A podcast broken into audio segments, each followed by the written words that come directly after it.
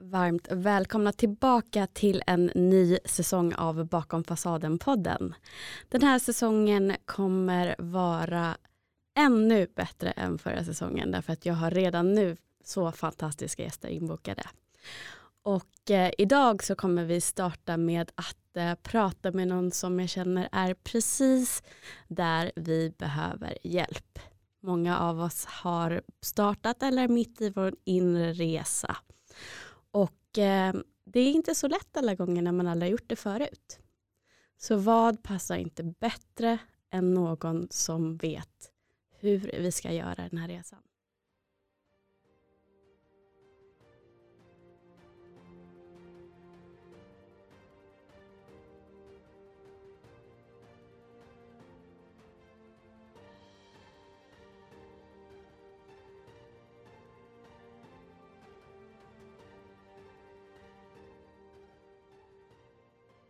Varmt välkommen Leila Andersson.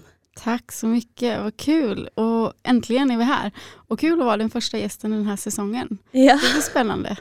Precis, jag tänker att eh, det startar liksom på ett mjukt och varsamt sätt. Mm, verkligen. För, verkligen. för oss som eh, följer dig så vet ju vi vad du sysslar med. Men jag tänker om du berättar för de som inte är bekanta med ditt arbete. Mm.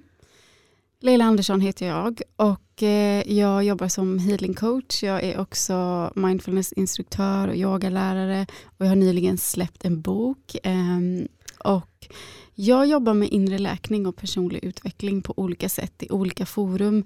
Och min egen resa genom hur jag jobbar med det har ju tagit massa olika former. Så jag brukar säga att mitt mitt jobb är inre läkning och personlig utveckling men sen tar det som sagt olika former och det är allt ifrån att jag leder yogaklasser till att jag håller workshops till att jag skriver en bok så att jag gör väldigt mycket olika saker och ibland lite för mycket saker. Eh, men det kanske vi kommer komma in på sen. eh, men eh, så att formen ändras ofta Um, och jag går mycket på känsla och intuition vad jag känner är aktuellt för mig just nu. Liksom att, att utveckla och, och formge så att säga. Men det är inre läkning och personlig utveckling och mycket handlar om känslohantering, stresshantering och också mindset eller våra tankar. Eh, hur, hur står det till med våra tankar egentligen? Liksom? Och är de verkligen våra? Och är de sanna? Och sådär. Så det är det jag gör. Ja, och jag tycker att du, du guidar på ett väldigt fint sätt till att ehm, många som de vet att de vill ha en förändring, de trivs inte med kanske de, de är för att känna att det här är inte riktigt jag, men de vet inte hur de ska komma vidare. Och där att du verkligen betonar att du måste börja med att bli medveten och sen så kan du börja se vad är det för någonting som du har i bagaget som behöver läkas Mm. för att du ska kunna ta nästa steg framåt. Mm, precis. Och det är exakt så, oftast oavsett vilket forum eller vilken form jag då jobbar i så är det oftast så det börjar att de flesta som kommer till mig har någon slags, något slags litet uppvaknande till att oj, här behöver en förändring ske. Här behöver någonting ske. Men precis som du säger så har man ingen aning om okej, men hur ska jag börja? Det här har jag inte fått lära mig någonstans. Hur jag ska utveckla mig själv, hur jag ska läka mig själv, hur jag ska förändras. Det får man ju inte lära sig någonstans. Så Oftast brukar det ligga någon slags medvetenhet, något slags litet uppvaknande. Och det brukar inte vara att det gäller hela livet men det är någonting i någon relation eller någonting i, i relationen till ens hälsa eller till jobbet eller sådär som liksom har hänt som gör att man känner att okej, jag behöver förändring här. Eh, och sen ofta så brukar man ganska snabbt hamna i att okej, men när man börjar förstå, sin, titta på sina tankar och förstå sina beteenden så brukar man oftast ganska snabbt hamna i att okej men vad är det som har gjort att jag tänker de här tankarna? Vad är det som har gjort att jag har de här beteendena? Vad är det i min historia som har lärt mig att det är så här jag ska agera i den här situationen? Vad är det i min historia som har lärt mig att det är de här tankarna jag behöver tänka om mig själv? Så att det är of- ganska snabbt så hamnar man i historien för att det är där vi har fått lära oss att, Mm. att vara de vi är. Så det handlar väldigt mycket om att bryta vanan av att vara de vi är. Mm. Och det är ju en resa kan man säga. Det är det verkligen. Och jag tycker också att det är så jättekul att sitta här med dig eftersom jag har gjort den här resan hela 2020 Mm. och känner igen mig så mycket i det du pratar om och eh, också från de konversationer jag har haft med lyssnare på Instagram att en del är verkligen där att ja, men jag vet att, jag, att det är så här nu. Jag har funnit en medvetenheten kring mina mönster. Men vad gör jag nu? Mm. Och sen så finns det de som har kommit lite längre på vägen och, och känner så här att ja, men nu har jag lämnat mitt förhållande för nu vill jag fokusera på mig själv eller ja, olika saker. Mm. Och sen även de som då har kommit en bit på vägen och börjat faktiskt plocka upp den här eh, innehållet i den här ryggsäcken man har gått och burit på och faktiskt förstår att det här är någonting som jag har lärt mig för att skydda mig eller för att skapa närhet. Det är faktiskt inte riktigt jag. Mm. Att man hela tiden lever i Alltså det känns nästan som att man lever i en styrning av ens mönster mer än att man lever autentiskt med den man faktiskt är. Mm. Ja, och den svåraste frågan för folk att svara på och där som vi alltid stöter på patrull när jag jobbar med klienter eller, eller liksom i workshops och sådär, vare sig det är liksom en, en till en eller om det är mer grupper sådär. Det är alltid när frågan kommer, men vem är jag? Jag har ingen aning om vem jag är. Mm. Jag vet bara att de här mönstren inte är jag, för de känns inte sanna. Jag vet bara att de här känslorna inte är jag. Eller jag vet bara att hela den här karriären som jag har haft, den var visst inte jag. För den kom från påtryckningar från pappa eller den kom från vad det nu är. Och jag vet bara att det är inte jag. Men jag har ingen aning om vem jag är. Och det är en jätteprocess att ta reda på. Och när jag säger jätte så menar jag inte att det behöver ta, jo, till viss del så tar det hela resten av livet. Men det kan också, man kan få en känsla ganska snabbt för vem man är också när man börjar skala av. Men sen är det en liksom resa att utveckla det resten av livet. Men det är den svåraste frågan för folk att svara på. Vem är jag då? Om jag inte är alla de här andra sakerna. Vem är jag då? Om jag inte är min depression, vem är jag då? Om jag inte är min stress, vem är jag då? Om jag inte är den här högpresterande, vem är jag då? Om jag inte är mamman, vem är jag då? Och ofta också när jag säger mamma vill jag bara lägga till så kan man bli lite triggad och känna att jag kommer aldrig kunna sluta vara mamma. När vi skalar av lager så handlar det aldrig om att, att liksom vi ska sluta vara mamma till våra barn men att det handlar mer om att sitta fast i saker och ting. Liksom. Men det är svårt att svara på. Mm. För vi får heller aldrig lära oss. Allt runt omkring oss, allt i samhället talar om för oss att vi inte ska vara i kontakt med dem vi är. Vi får lära oss av våra föräldrar hur vi ska bete oss och hur vi ska uppföra oss. Och det är ju bra, vi behöver ju uppfostra våra barn, eller uppfostra, vi behöver lära våra barn eh, om livet. Eh, men eh, så att våra föräldrar säger jättemycket vad vi ska göra, skolan säger jättemycket vad vi ska göra, sen hamnar vi i vängrupper där en viss liksom, agenda styr och det är hela tiden, och sen är det tv och nyheter, det är hela tiden saker som talar om för oss att vi inte ska veta vilka vi är. Mm. Så att det är inte så konstigt att vi inte vet. Men många blir väldigt förvånade och väldigt stressade av att inte veta. Men jag vet inte vem jag är jag vet inte vad mitt syfte är. Jag vet bara att jag vill veta vem jag är jag vet bara att jag vill veta vad min mening och mitt syfte är. Och, jag, och så har vi någon slags känsla av att vi borde veta och så blir vi väldigt stressade av att vi inte vet. Liksom. Men det är inte så lätt att veta eftersom allting vi får lära oss talar om för oss att vi inte ska veta. Ja, och lite där känner väl jag att nyckeln är att sakta ner och faktiskt Mm. lyssna inåt. Um, vilket är precis tvärt emot allting som samhället säger oss att vi ska göra. Men just 2020 där blev vi ju faktiskt lite påtvingade att göra det också. Mm, verkligen, och det märker jag för att det var väldigt många som, fler som började vända sig till mig 2020 än tidigare. För, på grund av liksom förvirringen och känslan av att okej, det är läskigt nu, för nu vet vi, ingen vet, vi har egentligen aldrig vetat någonting om framtiden. Vi tror att vi vet en massa saker om framtiden, men vi vet egentligen aldrig någonting. Men gemene man tänker sig att vi vet att vi har koll, att vi har kontroll, men egentligen har vi inte det. Men när någonting då som 2020, det som inträffade då, när det inträffar, då får alla någon slags kollektiv uppvaknande, att ingen vet någonting. Och då blir det en förvirring och då blir det mycket liksom jobbiga, kanske också känslor och tankar kring det och sådär. Så att jag upptäckte, jag märkte ju av det Mm. tydligt. Verkligen. Eh, för det var många fler som vände sig till mig än vanligt. Vad kul, för jag tänkte fråga faktiskt den frågan. Mm. Jag var nyfiken på just det. Mm. För det är kollektivt den uppfattningen jag har fått mm. att det är fler och fler som faktiskt börjar tänka över hur de vill leva sitt liv ja. och så vidare. Och även om de flesta då är rädda på grund av den här osäkerheten som uppstår, att egentligen så vet jag inte om nu är rätt tillfälle att ta klivet och börja gräva i det här och börja utveckla det här. Därför jag vet ju inte någonting om någonting. Men samtidigt när jag inte vet någonting om någonting, det är kanske nu jag borde göra det då, för nu har jag verkligen chansen. Liksom.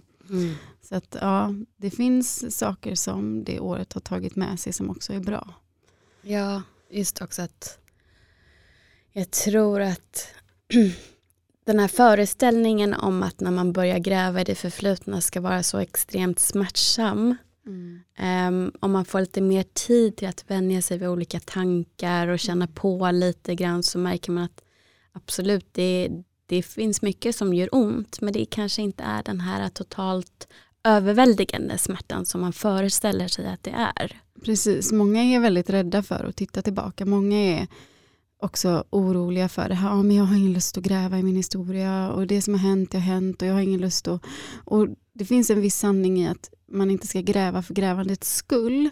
Vilket vi ibland när vi tänker oss terapi och när vi tänker oss olika sådana där att vi liksom tar hjälp av terapeuter och sätter oss i olika sådana sammanhang så tänker vi att ja, men där ska vi sitta liksom och analysera vår historia, vår barndom och gräva. Att det kan bli väldigt tungt och jobbigt.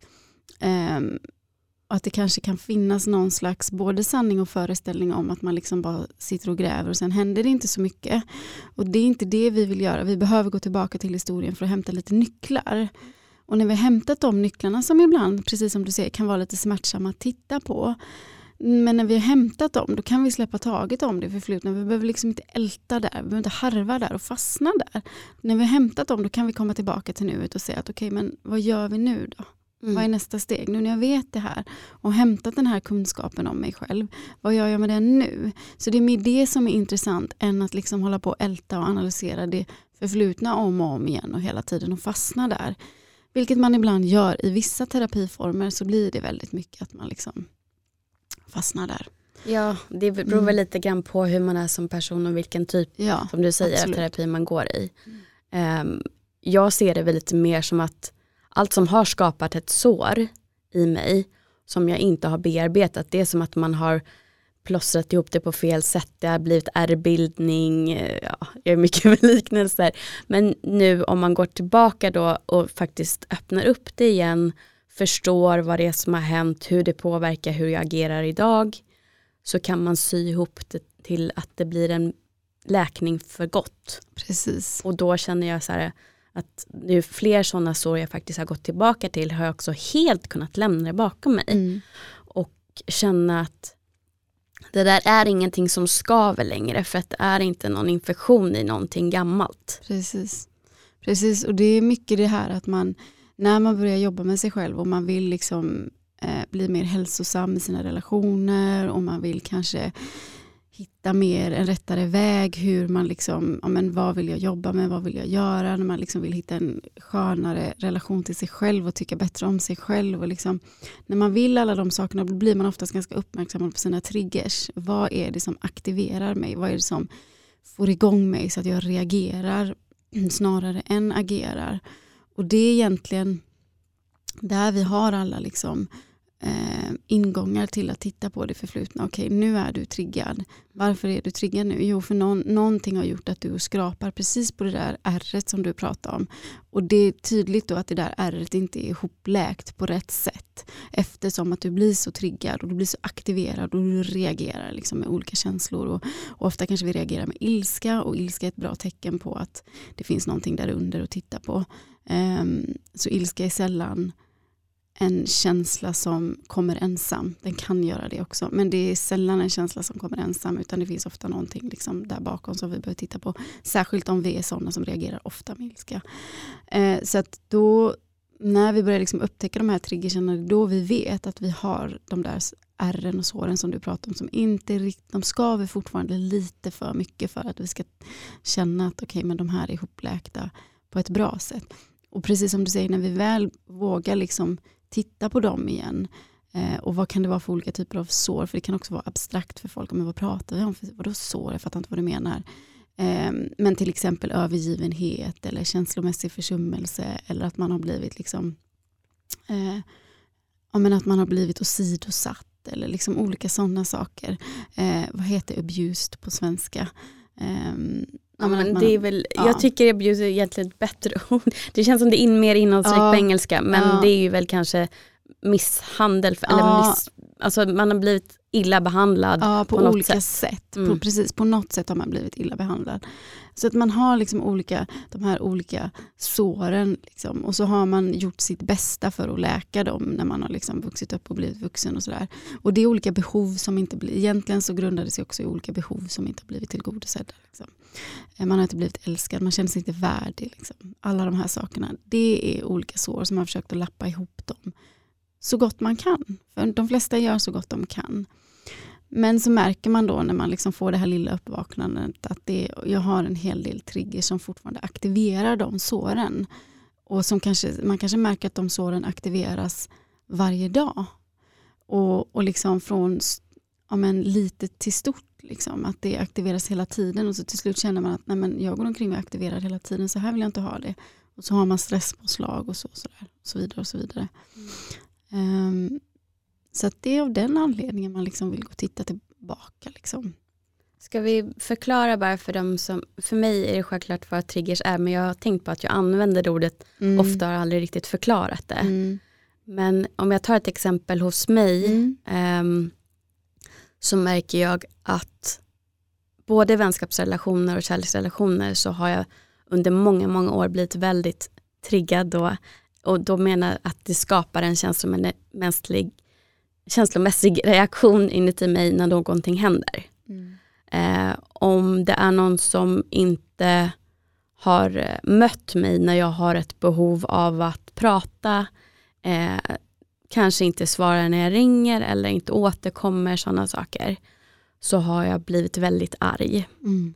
Eh, och sen då mött det med protest, protestbeteende genom att sen när de väl kanske hört av sig så är jag arg eller inte svarar själv. Mm. Eh, det, så var jag väldigt mycket, särskilt för tio år sedan vet jag. Eh, kanske till och med sex, sju år sedan innan jag började liksom skapa mer på ytan. Och jag kände att den här triggern var kvar. Det skapade fortfarande en reaktion inuti mig som var en obehaglig känsla. Mm. Eh, så sent som förra året.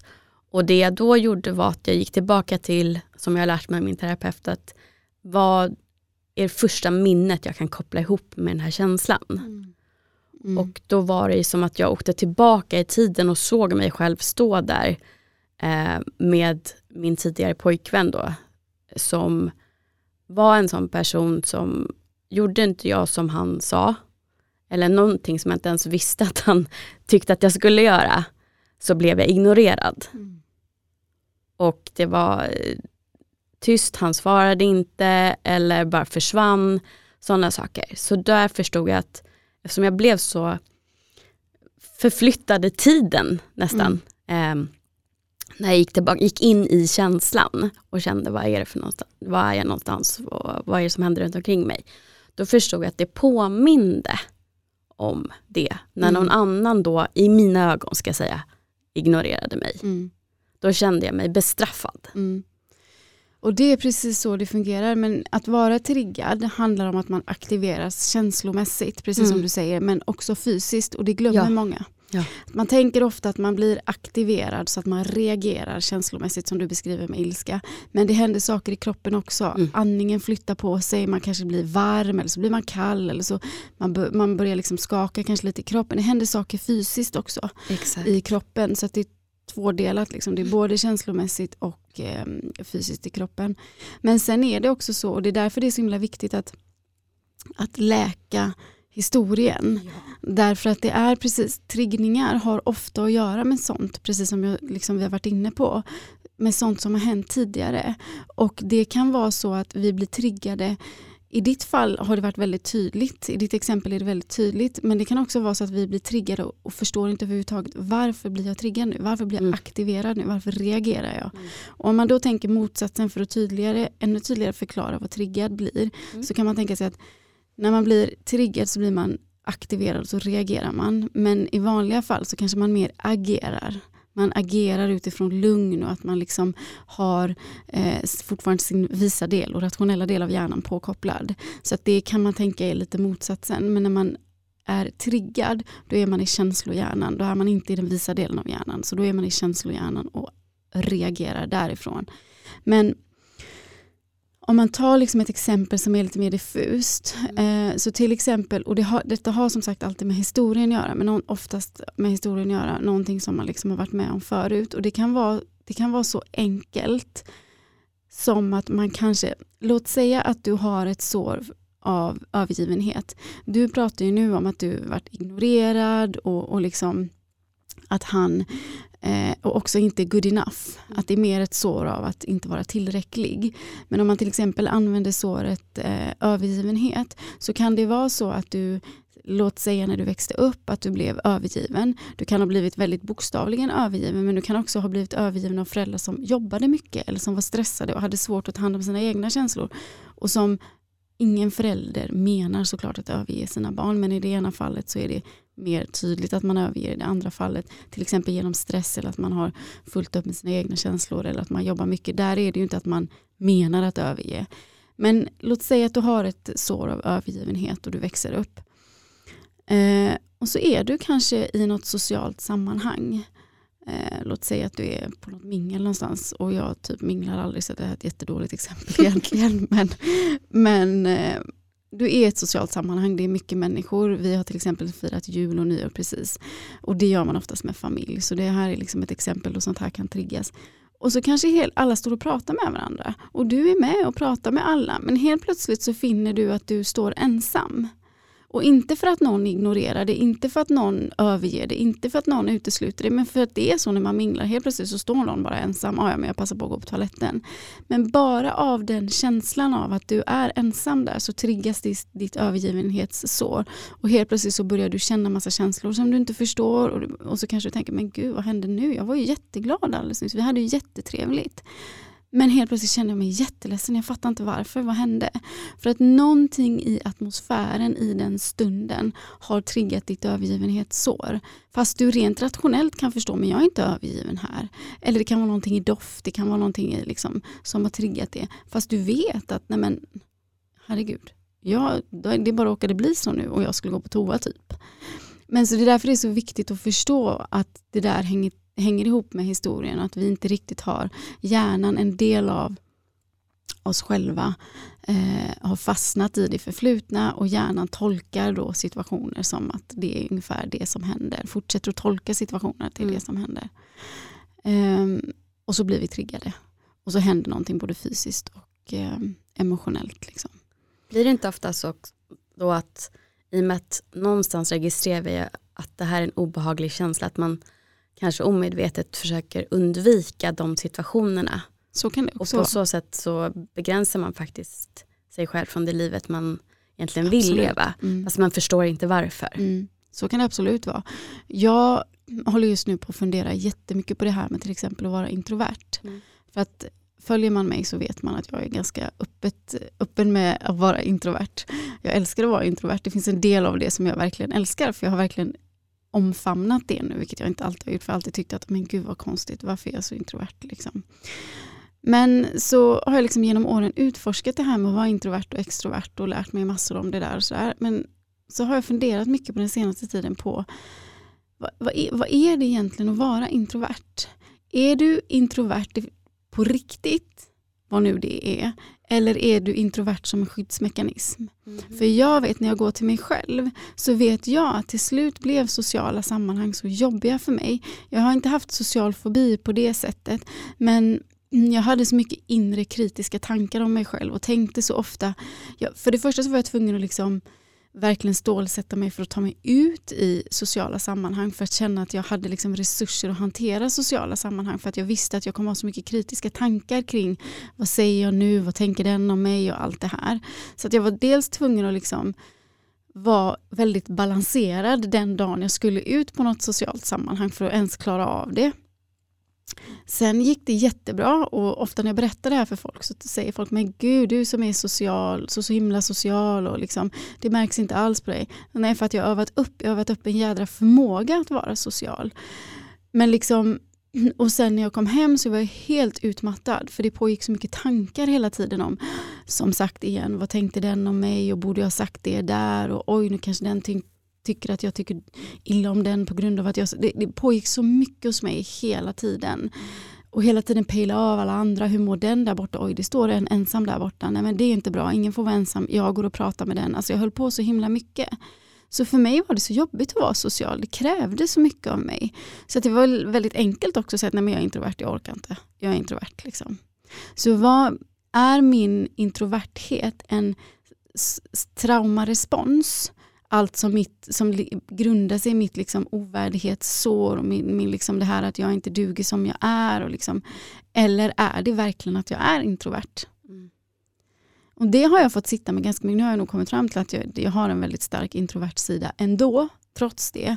Men jag tror att vi alla både är introverta och extroverta. Jag tror inte att det, vi antingen är det ena eller det andra. Utan jag tror att vi alla har både och och sen kanske vi har lite mer av det andra vissa av oss. Men så att det, det kan också vara ganska intressant att fundera kring, är jag verkligen introvert eller är det en skyddsgrej? Är det liksom en traumarespons eller är det liksom en, en anpassning, en adaptation för att jag har så mycket med mitt liksom, som pågår runt omkring mitt liksom, känsloliv och vem jag är och hur jag kan hantera mig själv och mina sår och sådär. Det tycker jag är intressant att fundera kring. Nu tappade jag bort vad din grundfråga var där, men jag vet att det hängde ihop med det. Nej, nej men vi svarade på vad, vad triggers var för någonting ja. och sen tycker jag det var jätteintressant det du sa för att jag också tänkt väldigt mycket på det här med extrovert och ambivert mm. och mm. introvert och inte riktigt hittat min plats däremellan. Mm. Just för att jag kan verkligen, jag, jag tänker nu jullovet, är jag ensam med mig själv mer än två dagar har jag svårt att ta mig ut. Mm. Det blir nästan jobbigt bara att gå mm. till butiken på hörnet för att jag känner nej jag vill inte träffa jag vill inte bli sedd. Mm. Precis. Och då känns det ju otroligt introvert av mm. mig att jag vill bara vara i min lilla bubbla. Mm. Men samtidigt så kan jag få väldigt mycket energi av att umgås med rätt personer. Exakt. Och det ska, passar inte in i mallen av att vara introvert heller. Nej men precis och då, då, då är ju frågan okej okay, men varför orkar inte jag ta mig ut nu? Det kan ju ha liksom olika anledningar. Kanske är det så som till exempel jag kan också bli väldigt sådär på julen och när man är ledig och sådär. Nej men gud jag orkar ingenting och så fort någon frågar något minsta lilla grej så blir det världens berg. Men det kan också ha att göra med att jag är hela tiden så himla, jag gör så mycket hela tiden nu har jag bestämt mig för att jag bara ska mysa runt. Jag orkar ingenting för ibland måste jag också ge mig de tillfällena då jag bara helt får inte orka någonting. Ja. Så det kan ju vara den grejen också men man måste vara väldigt ärlig med sig själv. Vad är det här? Och det är inte alltid så lätt att veta. Liksom. Men också precis som du säger, att tillåta sig själv att vara extrovert i rätt sammanhang och med rätt personer. För att, att vara extrovert betyder inte att du alltid tycker om att vara extrovert. Och framförallt det här med rätt personer, för det kan jag tycka ibland att det Jag har också känt mig lite elak och lite som att jag men vad är det för fel på mig som inte klarar av att vara med den personen? Eller som inte, och det har ingenting med personen i sig att göra utan det kanske mer har med energin att göra och mer att göra med att vi är olika, vad det nu kan vara. Men att tillåta mig själv att välja de personerna som verkligen plockar fram det här härliga extroverta hos mig ja. istället för att tvinga fram det med andra personer.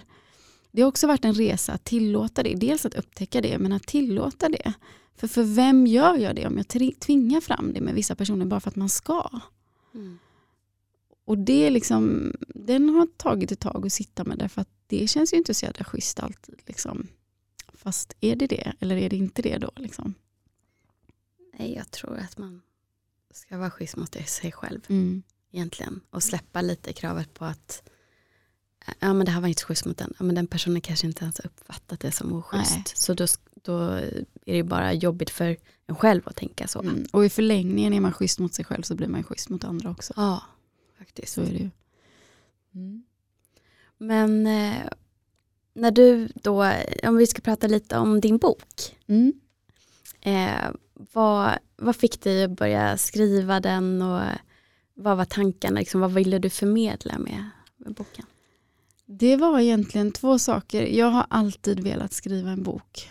Jag har ända sedan jag var liten, jag har älskat att läsa böcker, eller älskat allt som har med böcker att göra. Och jag har alltid skrivit väldigt mycket i dagböcker och skrivit väldigt mycket och tyckt om text. Liksom. Um, så att jag har alltid vetat någonstans att jag kommer skriva en bok, men jag har aldrig någonsin vetat vad jag ska skriva för bok. Jag har haft perioder i livet där jag känt att ja, nu ska jag sätta mig ner och skriva den där boken som jag alltid har velat skriva. Men det har bara varit helt blankt och helt tomt. Jag bara, fast jag har ingen aning om vad jag ska skriva om. Jag, vill jag skriva en liksom roman? Eller vill, vad, jag, vet inte ens, vad, jag vet inte ens var jag ska börja. Så jag har alltid liksom lagt det åt sidan.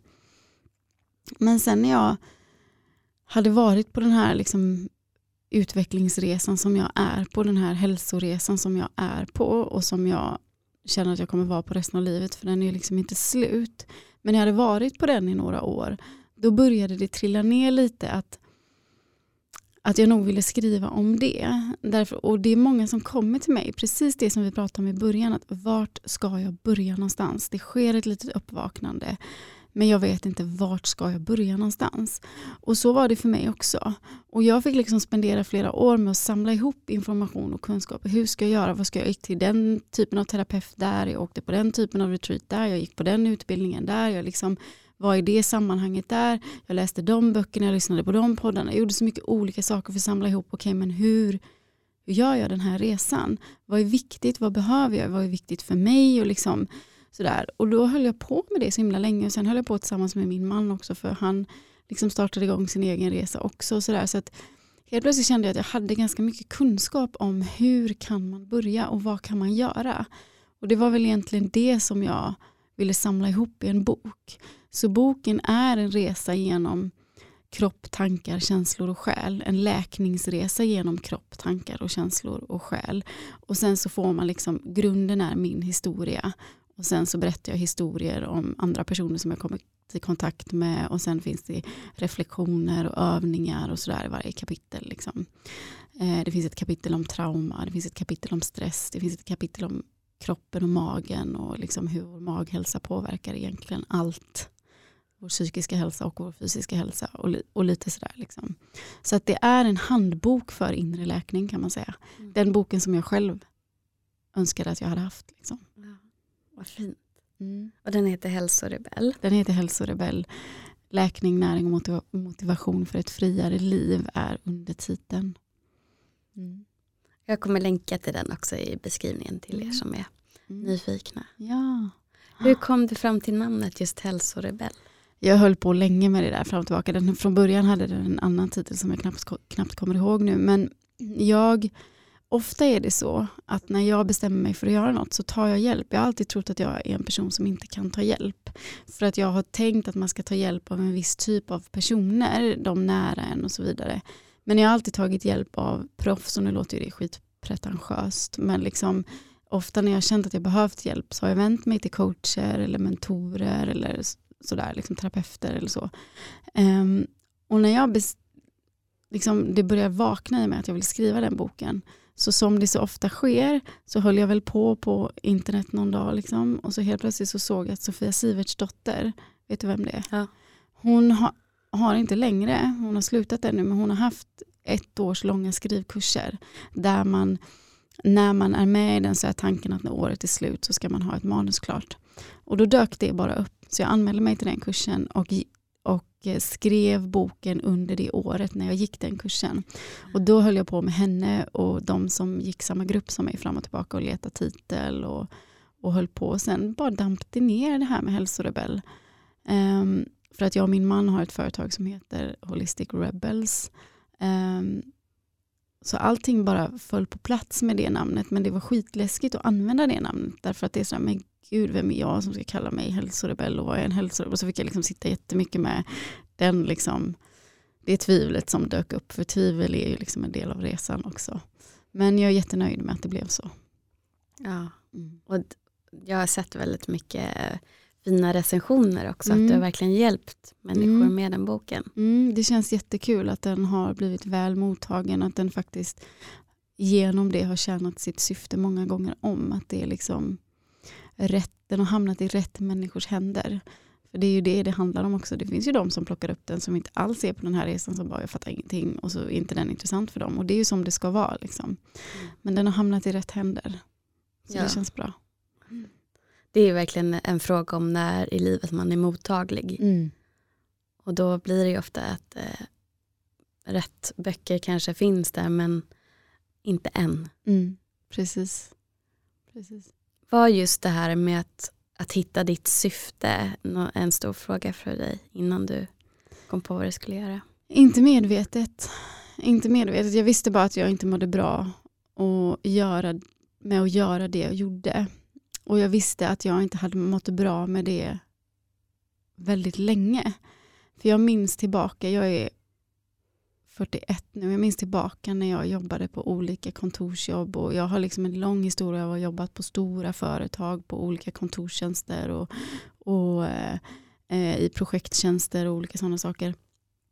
Och jag minns tillbaka när jag började med det. Jag började med det när jag kanske var 21, 2021.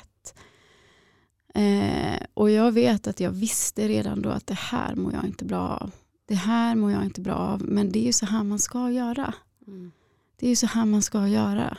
Men det här med liksom 8 till 5, stressa hem och hinna träna, konsumera lite underhållning, att liksom hinna umgås, hinna liksom, och sen sova och sen börja om igen. Liksom. Jag visste att det här mår jag inte bra av. Och också det här med att anpassa sig till alla folks, liksom på olika arbetsplatser, alla människors olika liksom, känslotillstånd och stresstillstånd och liksom allt det här. Alltså det här funkar inte för mig. Och alla de här mötena som avlöser varandra och allt liksom. Jag bara kände det här, det här jag mår inte bra av det här. Och, men jag visste ju inte, så här gör ju alla, så varför skulle inte jag göra det? Liksom? Så att jag hade liksom ingen, jag fattade inte att liksom mitt dåliga mående handlade om att jag anpassade mig in i en värld som inte passade mig. För att det fanns ju ingen annan värld. Det är klart att det fanns andra typer av jobb men mer eller mindre så jobbade vi på ett visst sätt i samhället. Om, nu då, om vi antar nu då att syfte är förknippat med jobb, vilket ju inte alltid behöver vara. Eh, men eh, så att jag kunde inte på många, många, många år förstå att det var, eller sätta ihop det och heller förstå hur jag skulle, vad jag skulle göra istället. Liksom. Men jag kom till en punkt, och det skriver jag om i boken också, jag kom till en punkt då jag mådde på ett sätt som gjorde att jag hade inget annat alternativ än att säga upp mig.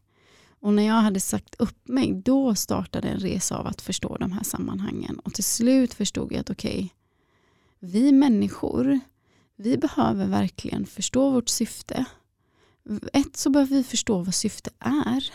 För vi tror att syfte är någonting vi hittar en gång och sen följer vi det resten av livet och så är allting finemang.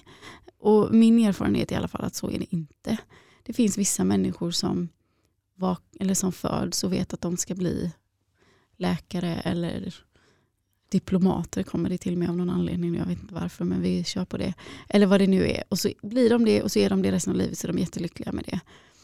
Men alla har, de flest, min erfarenhet är att de flesta människor är inte så. Det är några få unika människor som, där det är så. Men så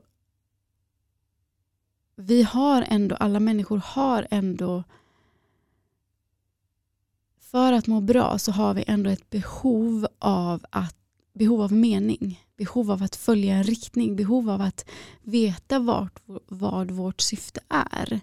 För att det är det som hjälper oss att må bra när det stormar. Det är det som hjälper oss att förstå oss själva. Det är det som hjälper oss att, att läka våra trauman. Det är det som hjälper oss att ge oss den där värdigheten som vi blev av med och allt vad det nu är. Så alla människor har ett behov av mening. Och jag tänker att syfte är mer med att hitta mening och hitta riktning. Och det kan förändras, precis som jag sa i början. Mitt syfte är inte att vara yogalärare, mitt syfte är inte att skriva böcker, mitt syfte, men mitt syfte är mer ett budskap att, att, att hjälpa människor att läka sig själva. Att liksom hjälpa människor att förstå sig själva genom att jag först och främst hjälper mig själv att förstå mig själv. Så att, och det kan ta många olika former och därför jag sa också att ibland kan det vara så att att vi jobbar med det så att vi tjänar pengar. Ganska ofta brukar det sluta med att det är så. Men det behöver inte alltid vara att det är ett jobb. Det behöver inte vara så. Det kan vara någonting vi gör på fritiden. Det kan vara någonting vi gör i varje möte med en människa som vi möter på jobbet och så vidare. Men jag tror att, och det blev min upptäckt sen, vilket jag absolut inte förstod i början, Eh, att det, jag tror att vi alla behöver mening och riktning och syfte. Mm. Och vi behöver hitta vår egen version av det framförallt. Mm. Eh, och som sagt, jag förstod i början att jag inte var på rätt plats, att jag inte hade hittat min mening, men jag förstod inte överhuvudtaget. Eller jag hade en känsla av det i början, men jag förstod inte överhuvudtaget liksom, sammanhangen kring det. Liksom. Inte alls på flera år faktiskt. När kom den här vändningen, om man kan kalla det det? Det kom när jag hade sagt upp mig, när jag hade varit, när jag inte, jag sa upp mig, när min dotter, min dotter är sju nu, jag sa upp mig från hela min liksom, karriär som jag hade hållit på med i många år. När min dotter var några månader bara, hon var ett halvår ungefär. Jag var väl 34 då. Eh, men jag spenderade ganska mycket tid med att läka mig själv efter det. Jag visste inte överhuvudtaget vad jag skulle göra av vare sig mig själv eller mitt liv. Eh, på ganska lång tid. Det tog ett år innan, efter att jag hade sagt upp mig, innan jag började liksom få en aning. Och sen tog det något år till innan det började ta konkreta former. Liksom. Eh, så att vändningen var inte liksom över en natt utan den skedde över tid. Mm. Vilket också jag tror är någonting som vi bör prata mer om och vänja oss vid att det sker över tid. Det behöver inte ta jättelång tid. Många blir så, oh, men gud ska jag hålla på och harva med det här resten av livet? Nej, det behöver inte vara så. Det kan ske ganska snabbt att vi börjar förstå saker och kan börja sätta ett, en fot framför den andra. För det är egentligen det det handlar om. Vi ska liksom inte ta oss an hela berget på en gång. Vi sätter en fot framför den andra. Och det kan vi börja göra ganska snabbt. Vi kan börja få insikter och förstå saker så att vi kan börja göra det ganska snabbt. Men sen är ju resan, de där fötterna, det blir ganska många tusen fötter vi ska sätta framför varandra på den där resan. Liksom. Och det tar tid. Det kan vi låta ta tid. Liksom. Mm. Så det tog några år, den här vändningen. Ja, jag, jag, jag, tror att det måste, som du säger, det måste få göra det. Mm. För att det går ju inte att starta en läkning när man inte vet vad det är man ska läka. Precis. Eh, och sen tror jag också att det är otroligt svårt om du som ska göra resan tror att du måste göra allting själv. Mm. För att Ja. som du har sagt tidigare idag också att vi får inte de här verktygen med oss när vi växer upp. Det är ingenting de lär ut i skolan. Eh, de flesta föräldrar vet inte om det. Nu kanske vi ändå har potential till att få ett samhälle där föräldrar blir mer medvetna och kan föra vidare den kunskapen. Men det har inte varit så historiskt sett.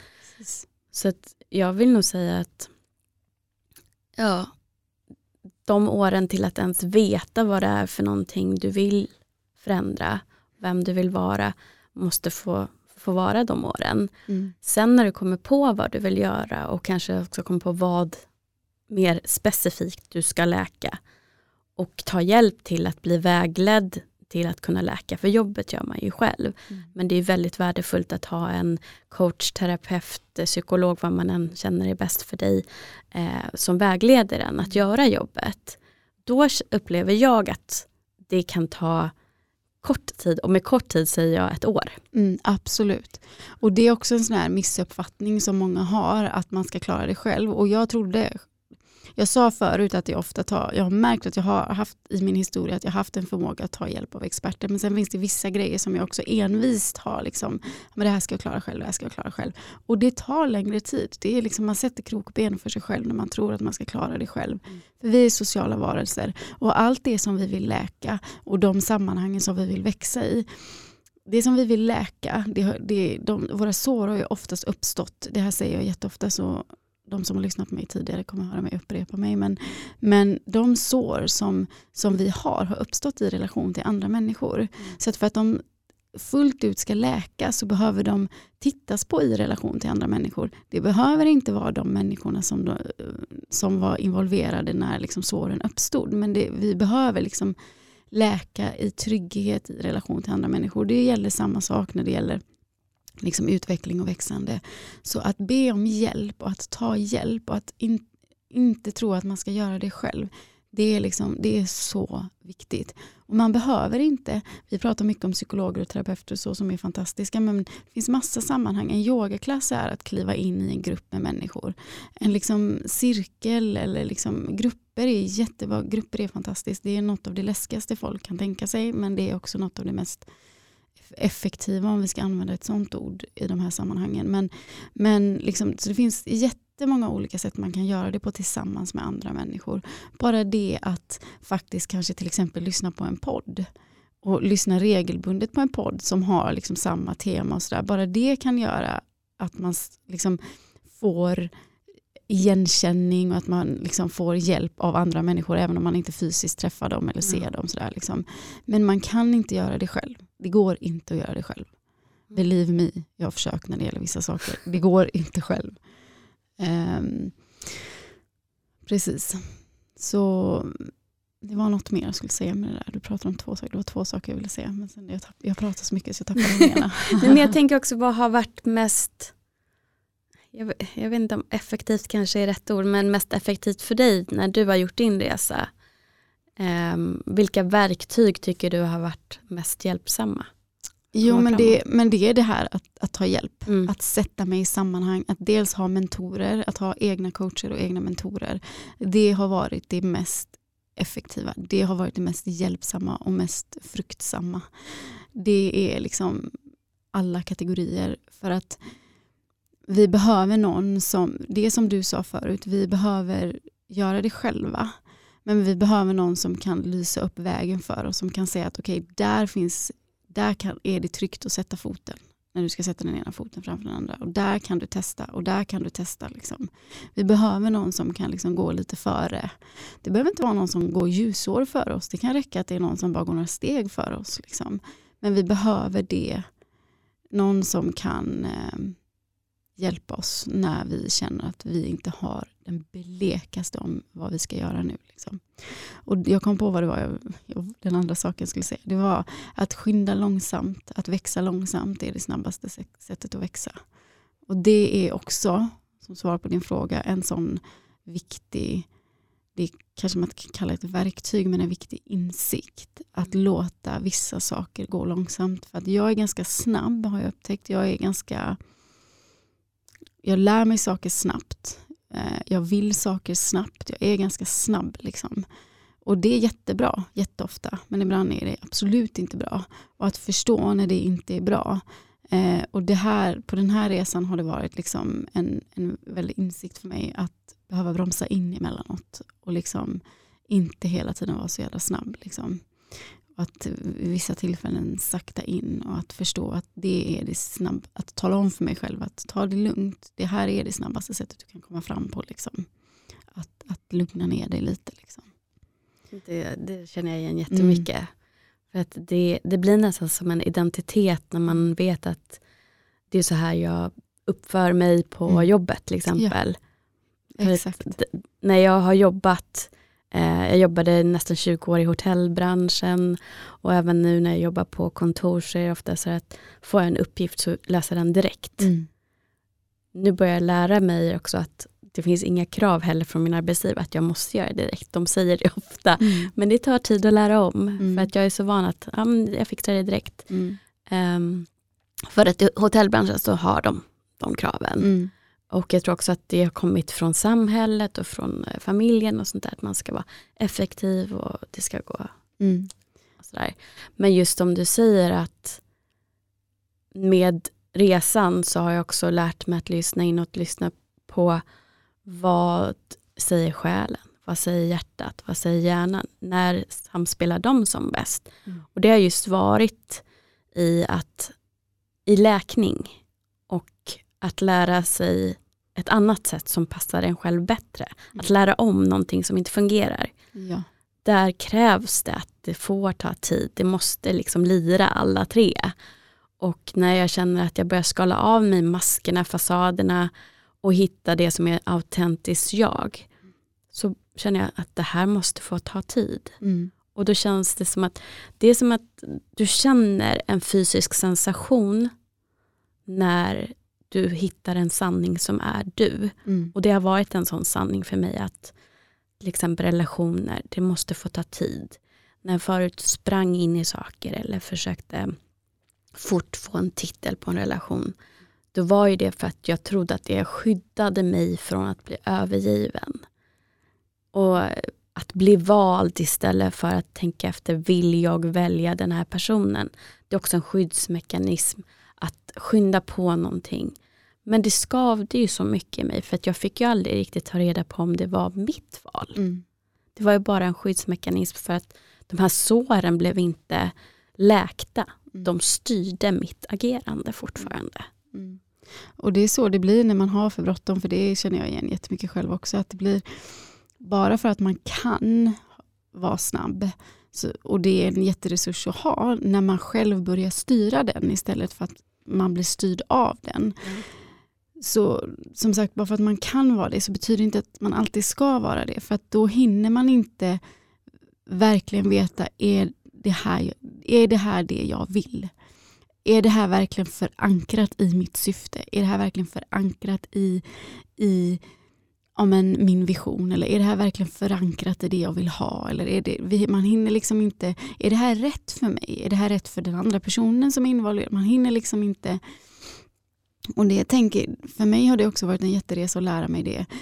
I, för att jag känner igen det väldigt mycket i jobbet. Jag har alltid också varit den som, liksom, ja men oj, har du redan gjort det där? Ja, det gjorde jag igår. Vad är nästa grej ungefär? Liksom. Mm. Eh, men, och det märker jag väldigt mycket nu när jag har eget företag också. När jag, när jag helt styr själv. Att jag kan vara väldigt snabb med att välja in. Också för att jag tycker att saker och ting är väldigt roligt. Så jag kan vara väldigt snabb med att välja in för mycket. För att det är så himla kul och jag är så jävla snabb och jag gör det här snabbt och det är lugnt, jag kan göra tio saker samtidigt, Mm. inga problem. Och ett tag går det, men det går inte hur länge som helst. Och sen så är det faktiskt att de där tio sakerna kanske inte var förankrade i vad jag verkligen vill eller vad jag, vad jag ser framför mig att, det, att jag ska skapa. Så att det, det är verkligen både när det gäller de sammanhangen men också sin egen läkningsresa. Att, att liksom ta ett andetag eller två ibland är väldigt bra. Verkligen. Um, när man kommer till dig då som klient, om vi ska kalla det hur, hur jobbar du? För de som är nyfikna.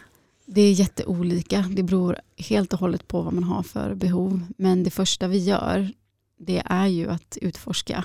Vad, finns, vad, vad är du någonstans? Vad vill du? Vad har du för behov? Var kommer du ifrån? Och sen så tar vi ett steg i taget. Um, när jag jobbar med klienter enskilt så brukar vi eh, brukar jag oftast jobba i program. Jag är inte så förtjust i att jobba i eh, att man ses en gång i veckan eller att man liksom, om vi bokar tid en gång i veckan. Liksom det här klassiska som jag själv har gjort jättemånga gånger när jag gått hos terapeuter och så. Det här klassiska som man gör när man går hos coacher och terapeuter. Jag är mer intresserad av att jobba långsiktigt i program.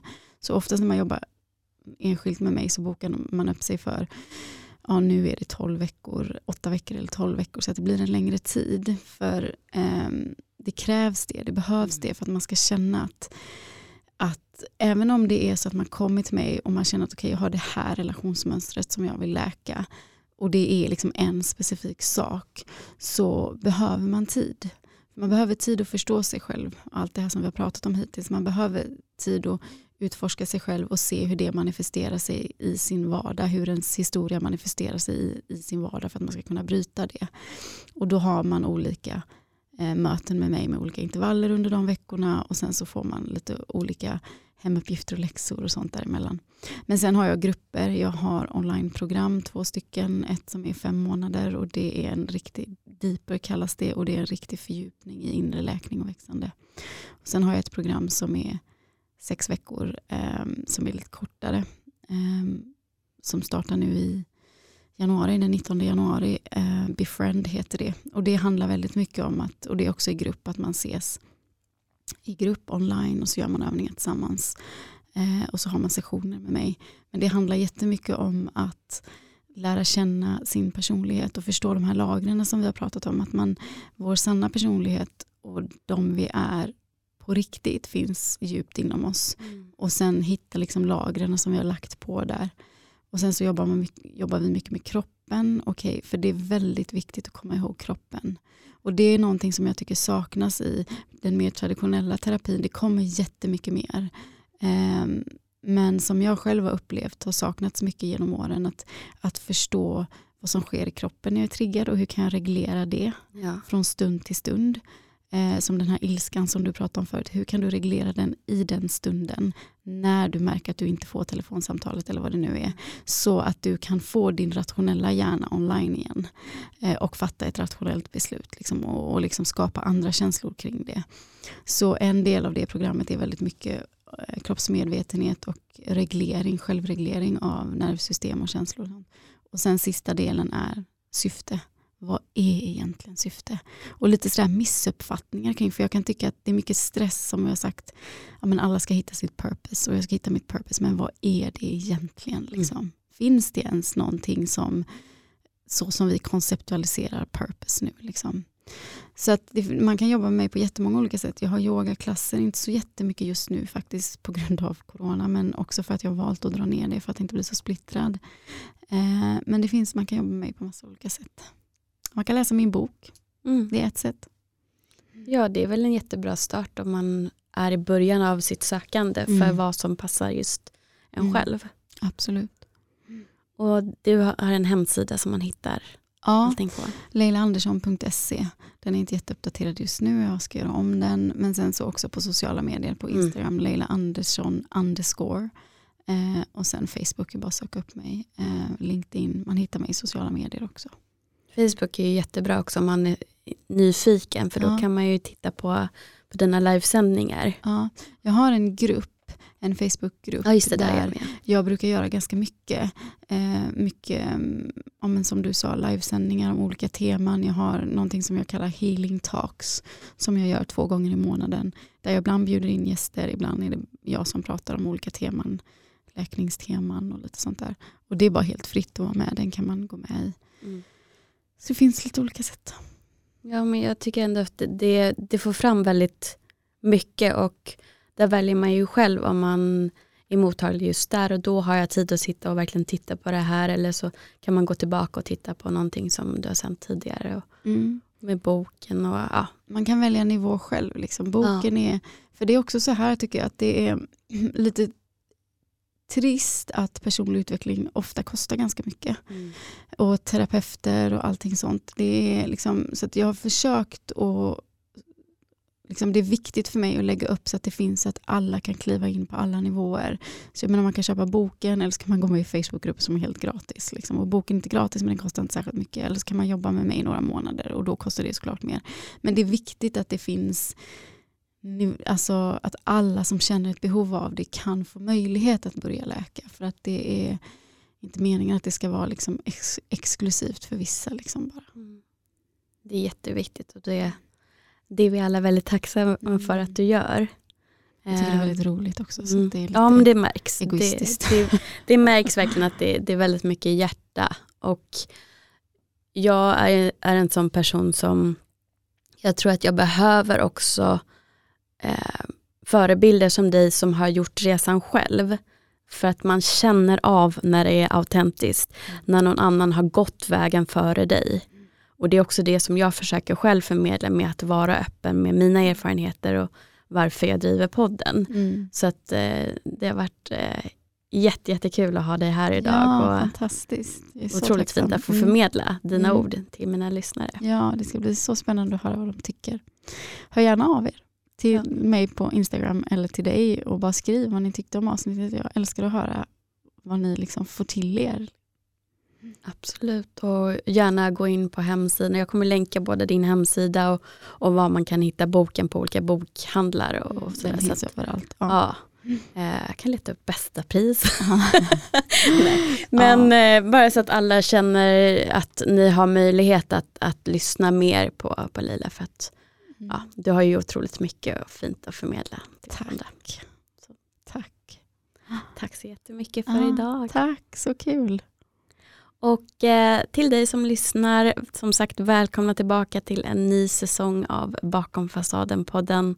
Hoppas att du mår bra och eh, att det här också har givit dig en peppande start på nya säsongen. Som vanligt så når du mig på Bakom fasaden-podden på Instagram och fortsätt skriva, fortsätt lyssna och dela och eh, tills vi hörs nästa gång, ta hand om dig.